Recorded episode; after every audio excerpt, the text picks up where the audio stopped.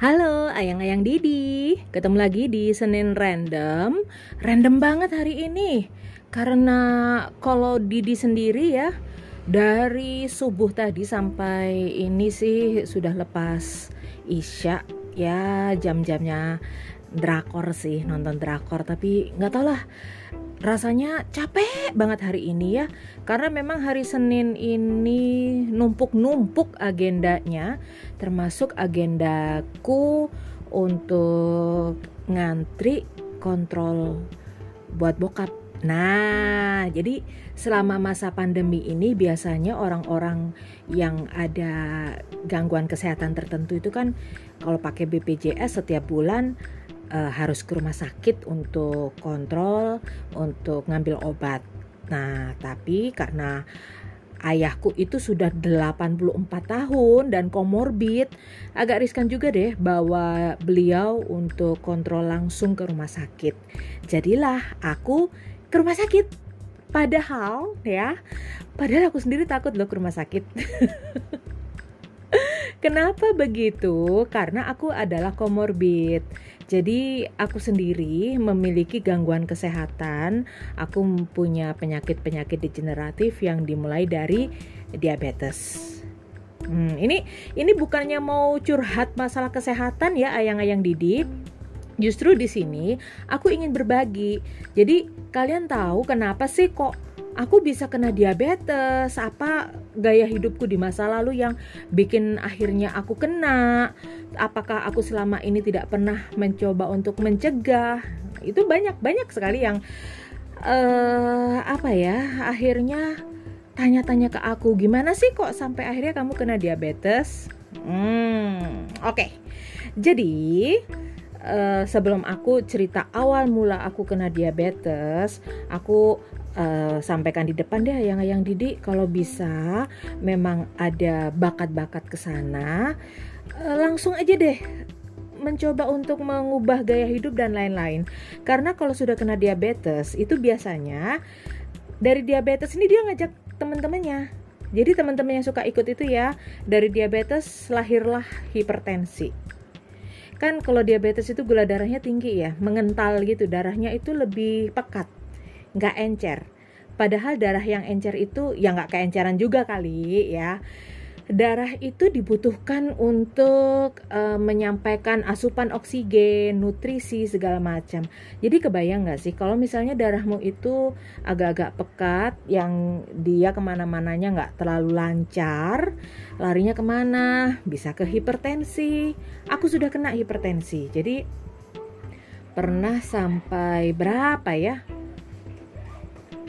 160 110 mungkin ya aku lupa lupa pokoknya rasanya enak banget ya jadi diabetesku itu ngajak hipertensi terus ngajak jantung ya tau lah jantung itu kan juga uh, dia memompa darah ya kalau darahnya pekat, darahnya kental, dia akan bekerja jauh lebih keras daripada kondisi normal. Ya, ya begitulah. Jadinya uh, sering aku sih yang aku rasakan yang sering aku rasakan tuh deg-degan gampang capek. Terus kalau misalnya overheating gitu aku pernah nih lagi lagi nggak fit tapi aku sudah terlanjur punya janji sama teman-teman aku paksakan untuk berangkat. Sementara Surabaya itu panasnya minta ampun. Dan aku harus jalan kaki karena jalan kaki mencari tempat dan itu kebablasan harus balik lagi overheating ya kepanasan. Bayangin aja kalau mobil kepanasan kayak apa sih gitu kan akhirnya aku kepanasan sampai di lokasi itu aku yang keringat banyak dan lemes dan dan tiba-tiba aku nangis nangis dalam artian karena apa ya jantungku tuh berdetak kenceng banget. Ya untung aja di depan lokasi itu ada apotek jadi aku cepetan beli obat untuk meredakan detak jantung degup jantung yang berlebihan. Kenapa Kata spesialis jantungku adalah, Didi, kalau jantungmu itu berdegup kencang, ibarat kalau kamu nge-gym, itu kan ada otot-otot yang kamu repetisi dan dia akan mengeras, ya kan? E, kamu lakukan gerakan berulang untuk melatih ototmu. Tapi ini jantung, Di. Kalau ototmu itu melakukan repeti repetisi dengan keras, cepat, dan akhirnya jantungmu berotot, akhirnya akan kehilangan kelenturannya. Can you imagine that? oh jadi memang aku harus menghindari kondisi-kondisi yang bikin aku uh, deg-degan parah. Jadi nggak boleh kaget. Jadi bener loh orang jantungan tuh nggak boleh kaget. Sekalinya dia kaget dia berdebuk berdegup kencang. Yang terjadi adalah dia lemes itu itu yang kerasa langsung dia lemes dan jantungnya itu itu tadi. Nanti ototnya akan ber, berpacu bekerja lebih keras dan bisa ya you know lah gitu ya. Jadi kalau ada orang jantungan tolong ya jangan kagetin gitu.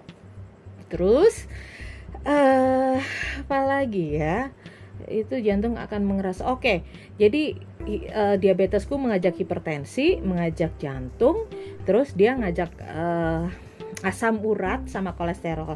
Nah, yang dua ini masih bisa dikendalikan.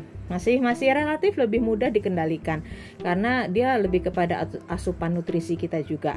Cuman yang namanya kolesterol ini ternyata dia kadang-kadang juga terpicu saat kita stres. Aduh, gila. Didi tuh stresnya bukannya hampir setiap hari, hampir setiap detik. nah, itu. Jadi Kenapa kok ayang-ayang Didi harus menjaga kesehatan dan menghindari kondisi gula darah yang tinggi? Ya karena itu tadi nggak mau kan, uh, walaupun negara itu menjamin dengan BPJS untuk bisa bisa kontrol tiap bulan dapat obat, lebih baik enggak deh. Nah, oke, okay.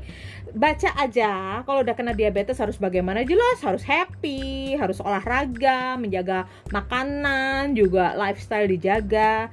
Nah, terus ada yang nanya, "Loh, emang kamu kenanya kenapa, kapan dan bagaimana?" Kenapa, kapan dan bagaimana? Kenapanya adalah kapan dulu deh, kapan, kapan, kapan, kapan.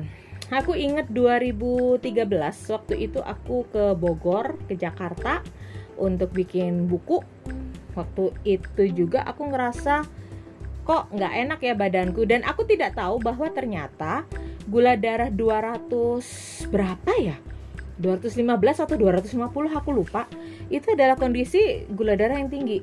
Jadi aku periksanya di mana ya? Kayaknya ada pemeriksaan acak random yang aku juga periksa. Nah dari situ ketahuan kalau gula aku lebih dari 200 dan aku tidak paham kalau itu gula darah tinggi karena ya namanya juga apa sih pemeriksaan massal gitu kan. Jadi nggak ada edukasi bahwa aku harus bagaimana bagaimana bagaimana. Tapi waktu itu di Jakarta aku ngerasa aduh kok enak banget ya badanku nih kenapa? Gula mungkin.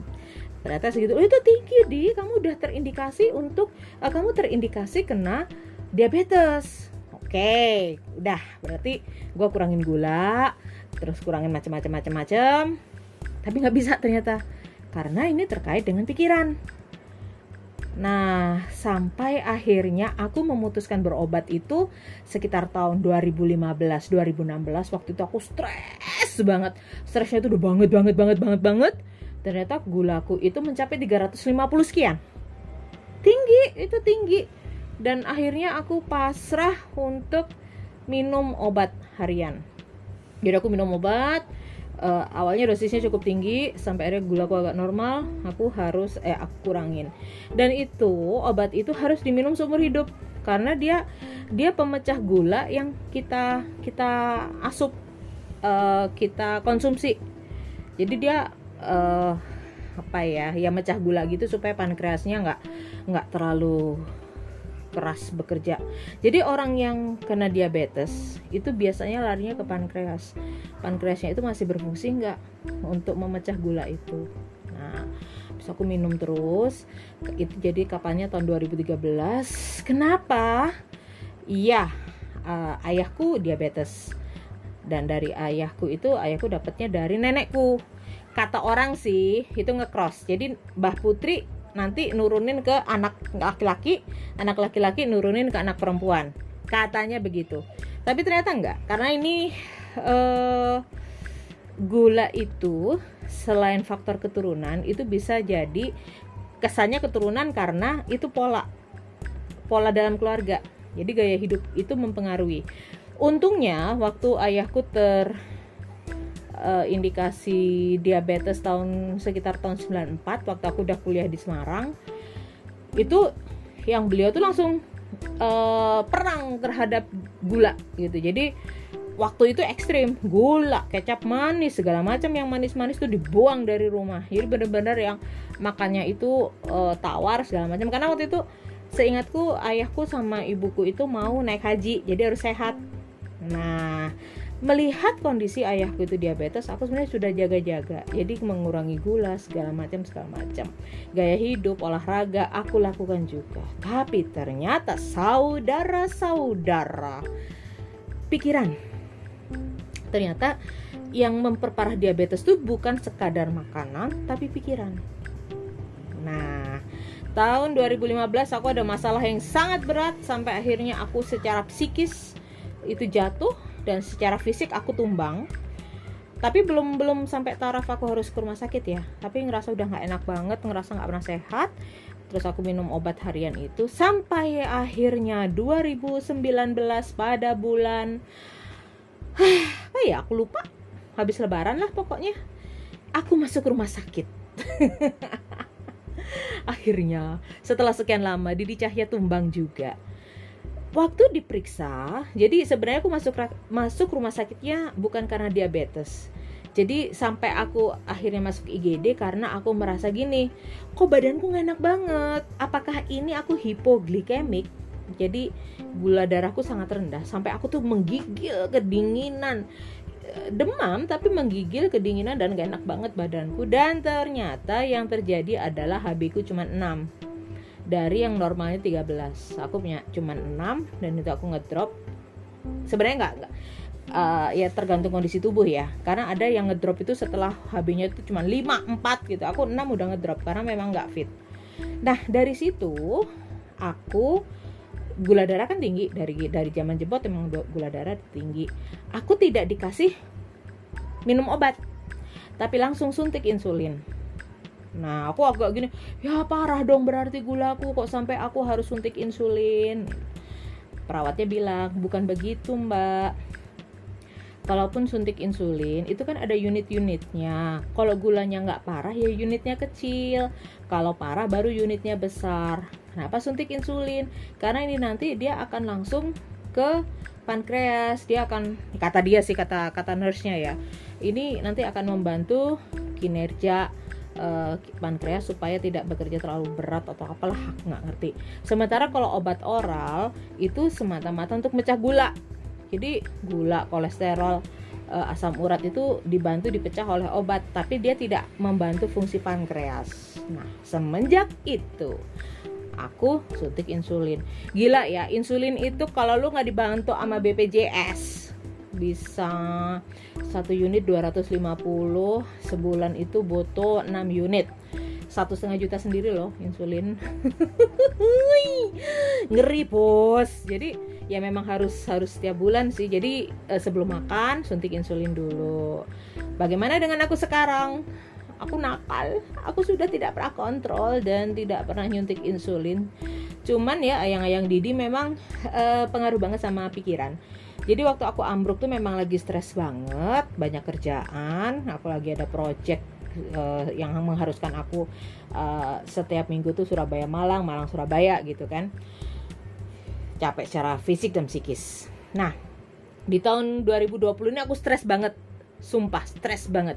Begitu banyak masalah begitu banyak masalah dari urusan finansial, pernikahan, kesehatan keluargaku karena mbak iparku kan kena cancer dan dia harus kemo. Dan waktu aku lagi rekaman ini dia lagi di IGD sedih kan sebenarnya? Makanya aku ingin berbagi supaya ayang-ayang Didi jaga kesehatan. Terus banyak hal. Pokoknya 2020 ini seharusnya aku stres ya alhamdulillahnya aku bertahan tidak masuk rumah sakit. Karena biasanya kalau stres aku langsung yang ambruk jatuh nggak sampai masuk rumah sakit tapi bisa berhari-hari aku nggak bangun.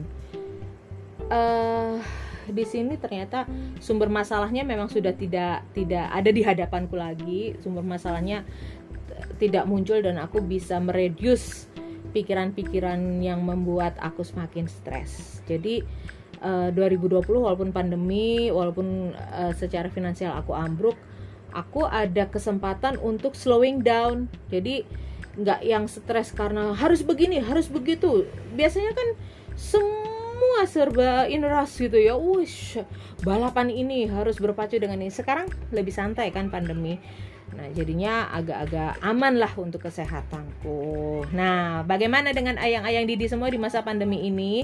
Buat ayang-ayang Didi yang sudah terlanjur kena diabetes, aku juga ini ada sahabatku yang kemarin sampai jarinya harus diamputasi ya kaki ya. Uh, tetap bersemangat. Aku senang waktu dia nelpon aku itu dia nada suaranya tetap yang ceria, yang optimistis walaupun aku tahu itu berat. Tapi itulah diabetes. Kita tidak bisa mengusir dia dari tubuh kita. Yang bisa kita lakukan adalah kita bersahabat dengan diabetes. Ya, gitu. November kan juga ada hari diabetes ya. aku nggak ngecek tanggal berapa. Apakah hari ini? Apakah kemarin?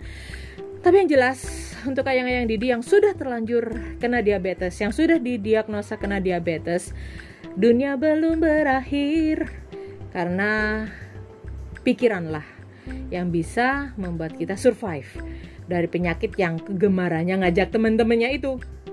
Jadi tetap semangat, saling mendoakan ya. Kalau uh, oke, okay, tidak semua orang bisa menerima kenyataan bahwa aduh gue diabetes nih terus bersemangat. Aku pun sempat down. Aku sempat down aku merasa yang aduh uh, dalam petik tanda petik ya. Waktu itu dalam hatiku pikiran gini aduh cacat deh gue gue udah kena diabetes. Waktu itu. Tapi ya, ya, ya sudah. Memang aku sempat mengalami masa-masa diabetes itu sangat mengganggu, diabetes itu mempengaruhi kesehatanku dan diabetes itu mempengaruhi uh, psikisku. Jadi saling mempengaruhi antara psikis dan diabetes itu saling mempengaruhi. Nggak tahu yang mana duluan yang muncul, tapi yang jelas saat pikiran kita sudah mulai kacau, saat pikiran kita sudah mulai memberontak, saat pikiran kita sudah mulai sedih, saat aduh rasa kita udah gak karu-karuan. Bagi Anda, ayang, ayang Didi yang sudah kena diabetes, yuk slowing down. Kendalikan pikiran kita.